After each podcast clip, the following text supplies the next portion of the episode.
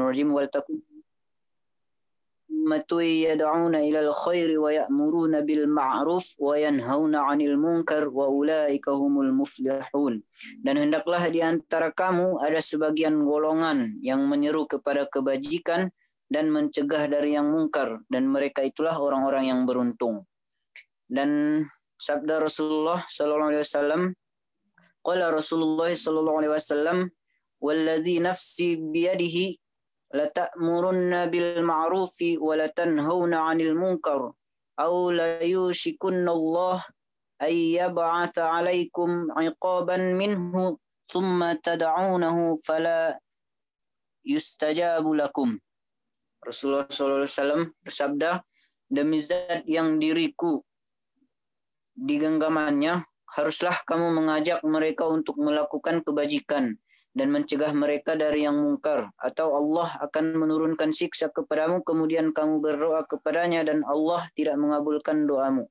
Hadis riwayat Tirmidzi. Dan juga dalam sabdanya, Inna Allah Azza wa Jalla la yu'adzibul um ammata bi'amalil bi'amali khassatin wa bi'amalil khassati hatta yarau يروا يروا المنكر بين ظهر أنيهم وهم قادرون على أن ينكروه فلا ينكروه فإذا فعلوا ذلك عذب الله الخاصة والعامة. رواه أحمد. Sesungguhnya Allah Azza wa Jalla tidak akan menyiksa kelompok tertentu karena dosa masyarakat umum hingga kemungkaran tampak di hadapan mereka. Mereka sebenarnya mampu untuk mencegahnya tapi mereka tidak mencegahnya. Jika mereka berbuat yang demikian itu maka Allah akan memberikan siksa kepada kelompok tertentu dan masyarakat umum tersebut. Hadis riwayat Ahmad.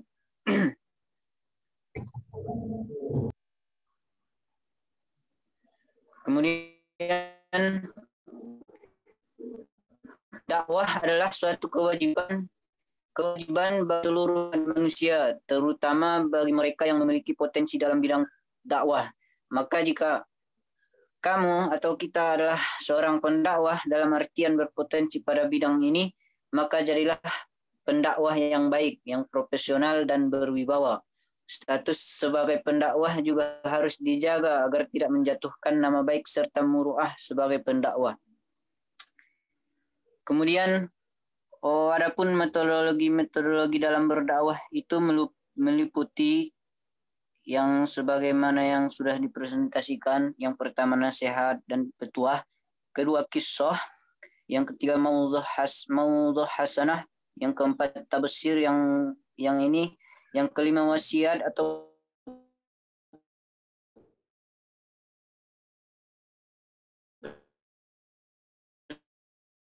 pesan-pesan positif dan seterusnya. Ada buatan oh, tabashir. Allah Subhanahu wa taala berfirman, Inna arsalnaka bil haqqi basyiran wa nadhira. Yang artinya sesungguhnya kami mengutusmu Muhammad dengan kebenaran sebagai pembawa berita gembira dan peringatan. Yang pertama pengertian tabasyir. Tabasyir itu tabasyir berasal dari kata basyaro yang memiliki arti memperhatikan merasa, merasa senang. Menurut Quraisy Basharo adalah menampakkan sesuatu dengan baik dan indah. Kata bashar dalam bahasa Arab juga sering diartikan kulit karena kulitlah yang membuat kelihatan indah. Demikian pula kata tabashir diterjemahkan dengan berita gembira atau pembawa kabar gembira karena membawa kebaikan dan keindahan.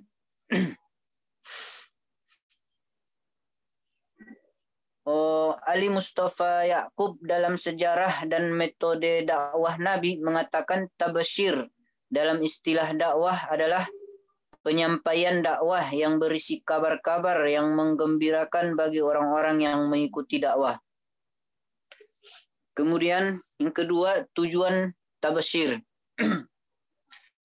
Kegiatan dakwah sesungguhnya memiliki orientasi yang jelas, yaitu mengajak, mengarahkan orang untuk mengikuti jalan yang benar, baik dalam kehidupan dunia maupun akhirat. Karenanya target yang amat panjang ini akan selalu mendapat kesulitan-kesulitan yang bisa menimbulkan sifat pesimis dan keputusasaan.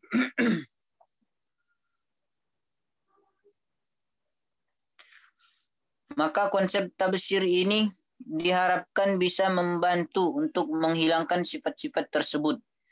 Dengan konsep tabsir ini bisa menghi diharapkan bisa menghilangkan sifat pesimis dan keputusasaan tersebut.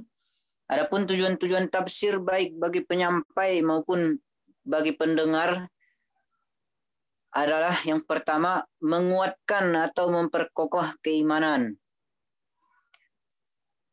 Yang kedua adalah memberikan harapan. Yang ketiga adalah menumbuhkan semangat untuk beramal.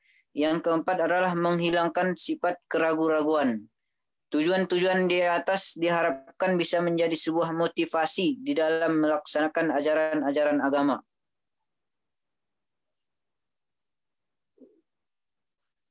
Kemudian dakwah bitanzir.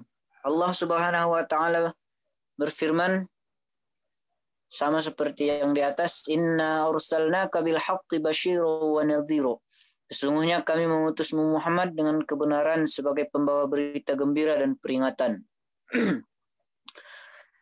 Adapun pengertian tanzir adalah secara bahasa diambil dari kata nazaro yang berarti memberi peringatan. Menurut Ahmad bin Faris, tanzir adalah suatu kata yang menunjukkan kata untuk penakutan atau tak takhwif. Ali Mustafa Yaakob dalam sejarah dan metode dakwah Nabi mengatakan tanzir menurut istilah dakwah adalah penyampaian dakwah di mana isinya tentang adanya kehidupan akhirat dengan segala konsekuensinya. Dengan kata lain, tanzir adalah ungkapan yang mengandung unsur peringatan kepada orang yang tidak beriman atau kepada orang yang melakukan suatu perbuatan dosa atau hanya untuk sebagai peringatan agar tidak terjerumus pada perbuatan dosa dengan bentuk ancaman berupa siksaan di akhirat nanti. Yang kedua, adapun bentuk-bentuk tanzir yaitu bentuk penyebutan nama Allah Konsep ini diberikan kepada orang yang ketagihan dan kesenangan berbuat maksiat. Ia sudah terbiasa melakukan segala bentuk maksiat yang mana perbuatan kemaksiatan itu dianggap sebagai sebuah kesenangan. Padahal kesenangan dalam kemaksiatan itu sifatnya sementara saja, hanya hanya sekedar menuruti hawa nafsu. Sementara orang orang yang sering melakukan maksiat ini masih memiliki dasar keimanan oleh karena itu dalam keadaan ini bisa jadi di ditakutinya penyebutan nama Allah yang Maha Kuasa karena didasarkan iman yang masih ada. Dengan penyebutan nama Allah ini diharapkan keimanan yang masih ada di hatinya itu bisa menyebabkan dia takut kepada Allah dan kembali kepada jalan yang benar. Kemudian yang kedua adalah menunjukkan keburukan. Walaupun manusia suka berbuat buruk, kadang mereka berusaha menutupinya dan tidak mau ketahu, ketahuan oleh orang lain. dan ini sudah menjadi tabiat manusia bahwa manusia tidak akan senang keburukannya diketahui orang lain. Maka dengan adanya penunjukan keburukan tersebut, terkadang dapat menyadarkan manusia seperti ini untuk kembali kepada kebenaran. Sehingga mereka akan menjadi sadar bahwa perbuatan maksiat akan merugikan dirinya sendiri dan sekitarnya.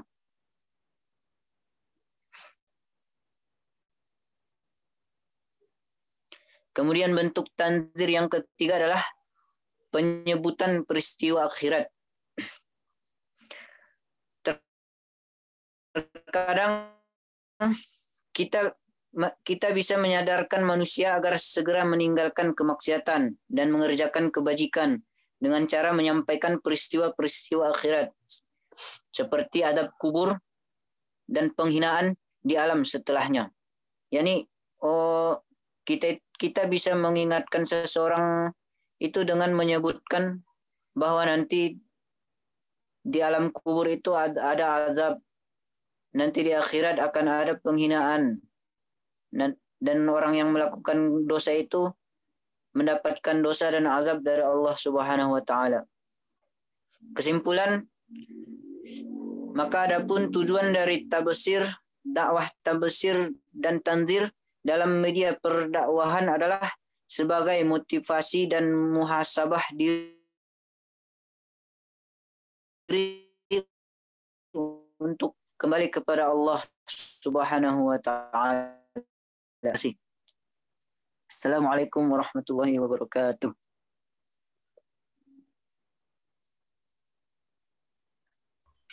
Waalaikumsalam warahmatullahi wabarakatuh.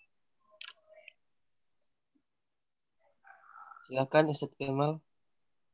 Uh, baik, sebelumnya uh, untuk yang lain ada tanggapan?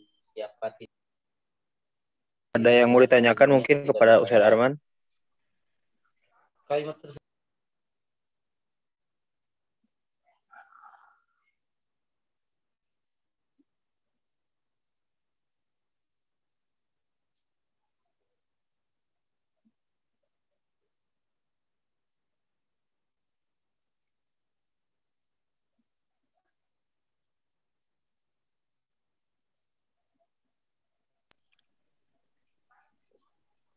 Lo cek bagaimana yang lain mungkin ada yang mau ditanyakan kepada Ustaz Arman? Materinya bagus ya barusan alhamdulillah. Menjelaskan tentang dakwah tafsir. Hmm. Hmm. Dan juga tanzir ya Us ya menjelaskan. Tuh, ya. Murag. Allah Akbar. Murag. Oh, murag. Murag. Oh. Mal. Astagfirullah, sorry, sorry, sorry, gangguan teknis. Ya, menjelaskan tentang barusan. Alhamdulillah cukup. Ya udah, sudah cukup. Yang lain bagaimana? Ya, menjelaskan tentang dakwah dengan cara yang gembira ya, dengan cara yang dengan cara peringatan juga kan gitu. Tanzir dan tafsir. Memberi kabar gembira. Juga memberikan peringatan gitu kan, tanzir sendiri kan. Masya Allah. Masya Allah, Masya Allah. Sadamar Saidi, bagaimana Sadamar Saidi? Selanjutnya mungkin mungkin ada yang mau menambahkan atau mengkoreksi. Ya. Ada yang mau menambahkan mungkin? Atau mengkoreksi, mengkomentar. Gak apa-apa ya, ini kan dalam dalam rangka tahun ya, dalam rangka membangun gitu. Membangun agar tulisannya Ustadz Arman ini menjadi lebih baik lagi ya usia ya, bro gitu kan.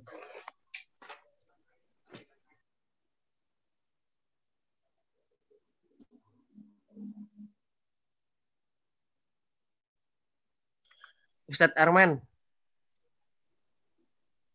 Ustadz Arman. Hmm. Nah, Ustadz Arman itu uh, sedikit dikoreksi ya dari Ustadz Fadil barusan rata kanan kirinya Ustadz Arman jadi di apa sih namanya tuh kalau di Word tuh di justify nanti yang titik tiga itu jadi biar tulisannya rapi. Sek. Sek, Ustaz Arman.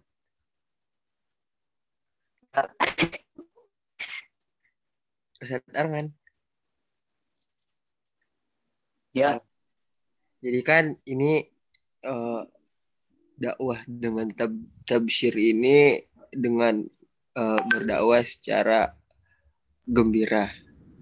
Tapi bagaimana dengan pendakwah yang ketika berdakwah kemudian uh, ia berdakwah dengan ia uh, merasa senang. Tapi dalam penyampaiannya itu uh, ini dia itu seperti memperingatkan. Tapi di situ uh, dia kayak merasa gembira juga. Nah itu masuk di mana Ustadz Arman? Gitu. Gimana tadi pertanyaannya Alhamdulillah,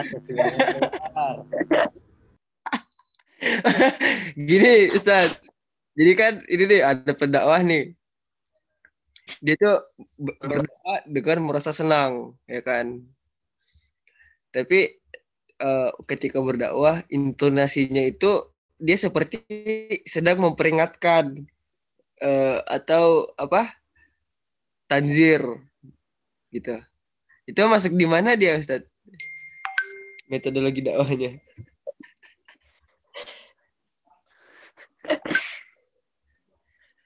Pendakwah merasa senang cuman dia oh met oh logatnya dia itu kayak tandir gitu. Ya. Tandir. Tanzir apa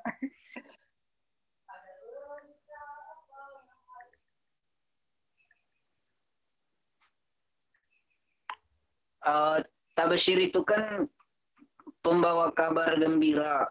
Ya oh kayak memotivasi seseorang. Kan banyak itu orang yang oh putus asa gitu. Biar dia nggak ragu-ragu kalau dengan janji Allah. Dan di maka ada metode metode dakwah itu tabsir untuk me- menghilangkan keraguan-raguan seseorang ya kemudian tandir kan untuk peringatan untuk mengingatkan seseorang yang mengerjakan maksiat atau oh, mendustakan yang dibawa oleh Rasul. Jadi bentuk-bentuk tandir itu ada ada itu orang yang berbuat maksiat itu masih ada keimanan di hatinya, makanya disebutkan dengan penyebutan nama Allah. Ada yang melakukan maksiat itu menganggap sepele, menganggap sepele maksiat itu. Kemudian ada juga yang orang yang berbuat maksiat itu bisa diubah dengan menyebutkan azab-azab, siksaan-siksaan. Kalau melakukan ini dapat siksaan ini dan sebagainya. jadi eh, pertanyaan saya tadi jawabannya masuk ke tanzir apa tabisir Ustadz Arman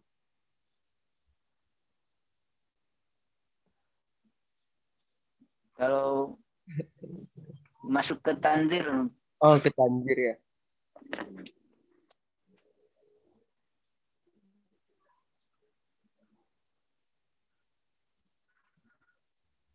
Jadi kalau misalnya ada orang yang eh, berdakwah dengan cara bergembira tapi dengan eh, intonasi yang tegas seperti sedang eh, memperingatkan, jadi itu mak- eh, masuknya ke tanzir ya Ustadz ya? Ustadz Arman. tergantung oh topiknya dia kan. Oh gitu ya. Maksudnya itu gimana Ustadz? Topik penyampaian penyampaiannya kan orang ber- berdakwah kan dengan gembira, bukan gembira. Tabsir itu bukan gembiranya oh di orangnya tapi kabar gembiranya penyampaiannya. Begitu juga dengan tanzir peringatan dengan topik penyampaiannya. Hmm. Baik, Ustadz Arman, syukuran atas penjelasannya.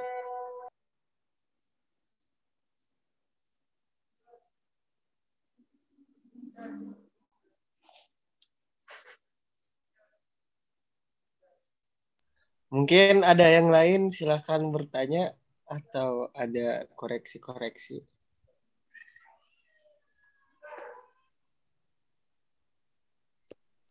Oh, apa Nana mungkin Ustaz?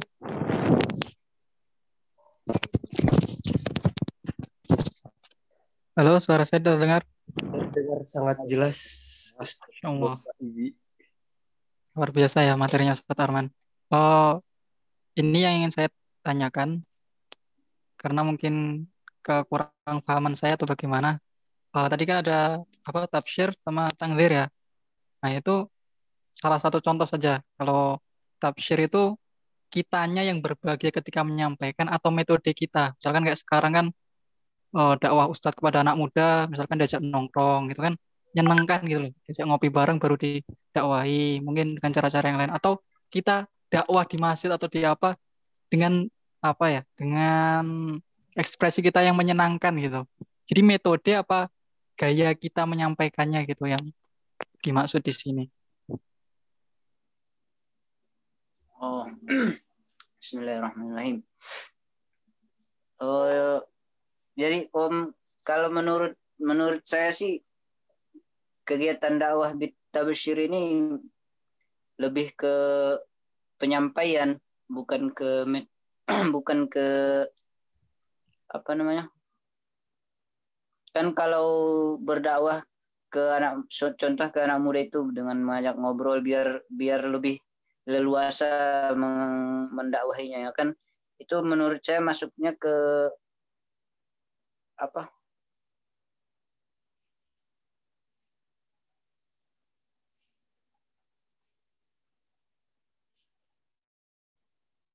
Kalau menurut sih dakwah tabesir ini lebih ke penyampaian gitu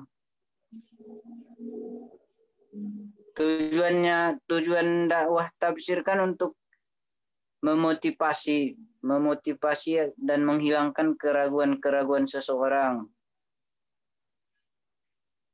keputusasaan biar mereka itu tidak ragu-ragu dengan janji-janji Allah.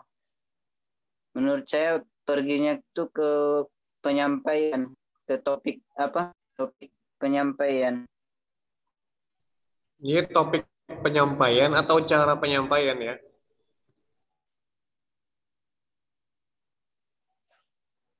Gimana bilangnya? oh. Ya dakwah kan bisa ya kita kita simpelkan jadi dua. Hah?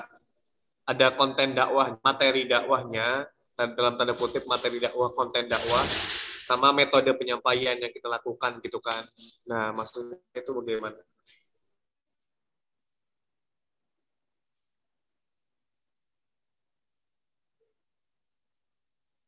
Kalau menurutku oh, ke materi materi dakwahnya.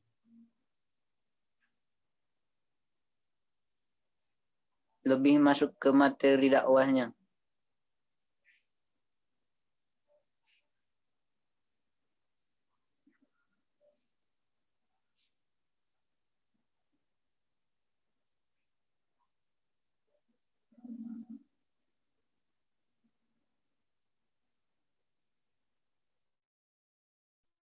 Oh ya, syukur Ustaz. Mungkin seperti itu Mas Feni. Ya. Kalau kurang tepat mohon diluruskan. Ya. uh, mungkin ini tambahan Pak Arman. Uh, kiranya tadi diperjelas sama Ustaz Fadil tadi tentang apa namanya? Apa tadi? Muatan bahasanya apa tadi? Muatan dakwah dengan metodologinya. Nah, Kira-kira kalau yang kami sampaikan tadi dengan mungkin mengajak orang lain untuk relax dulu, misalkan kayak anak muda desa nongkrong ngopi dia seneng terus kita nyampaikan poin-poin kebaikan di situ. Nah kalau misalkan itu dikira kurang masuk ke uh, dakwah dengan tafsir, nah kira-kira masuknya ke apa?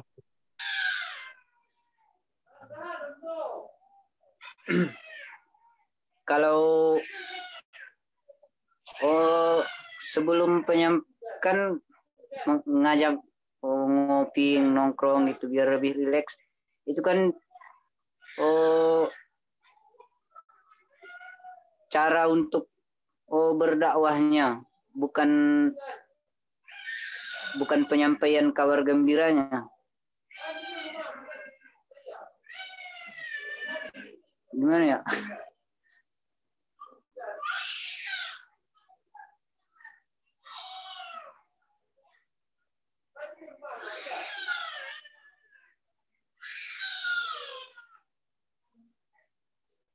Oh iya iya. Jadi intinya ke materinya ya Ustaz ya.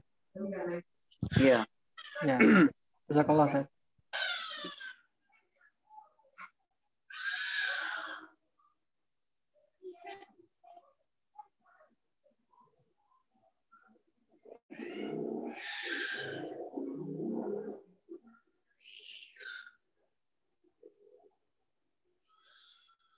Baik, ada lagi yang mau ditanyakan kepada pemateri atau mungkin dicukupkan? Ustazi sekalian.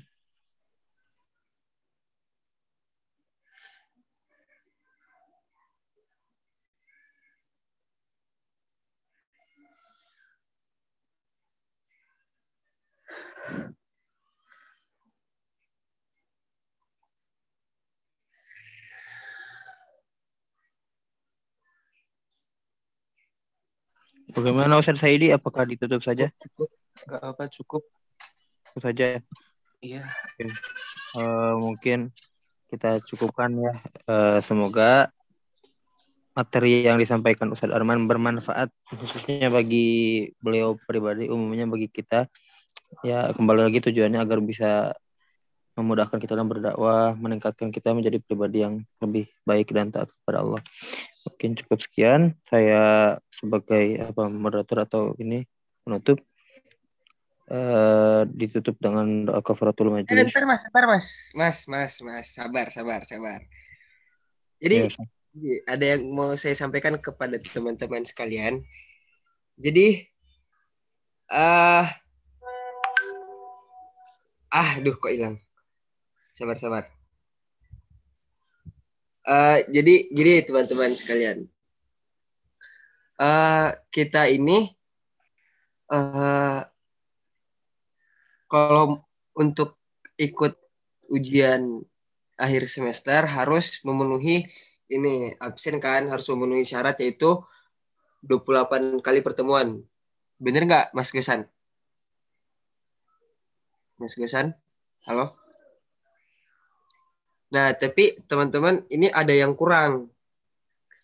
Eh, yang kurangnya itu untuk mata kuliah eh, manhaj tarjih, PPI, dan siasah. Nah, itu masing-masing kurang dua pertemuan.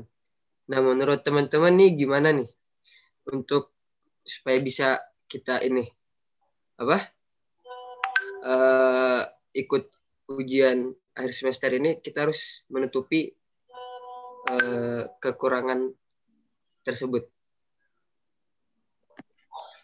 Enggak ngikut coach dosen itu. Kan ada minimal pertemuannya 12 minimal. Ke 13 katanya Mas Gusan tadi. Iya toh. Nah, nah jadi yang kurang tuh manhaj tarjih, PPI sama siasah. Tapi iya, iya juga sih PPI udah ada ini ya. Ya, dua tugas yang dua pertemuan yang belum itu kan dijadikan tugas katanya. Berarti Ah, kan total tinggal satu lagi. Nah, berarti ya ya udah tinggal diisi di hari yang hari tenangnya aja mungkin besok yang belum-belumnya itu. Ya manhaj tarjih sama PPI tinggal satu pertemuan lagi berarti. Kalau PPI kan kemarin dua pertemuan jadi satu Hmm. buat ujian tugas. Oh, PPI kur- kurang 4 dikurangi tugas 2. Tolong Mas Gusan kalau bisa eh, ini dong on mic. Sorry, sorry, habis dari belakang. Nah, Ya ini PPI kan kemarin kurang 4. Berarti kurang satu sih sebenarnya kalau misalnya minimal 13. Nah, buat pelajaran-pelajaran lain berhubung minggu depan itu berhubung minggu depan itu apa? Udah ada itu ada ganti kan ya. Jadi bisa. Tapi kalau minggu depan tinggal sekali, ilmu falak tuh eh, ilmu falak udah tinggal 13. Kalau misalnya harus full, berarti ilmu falak kurang satu. Terus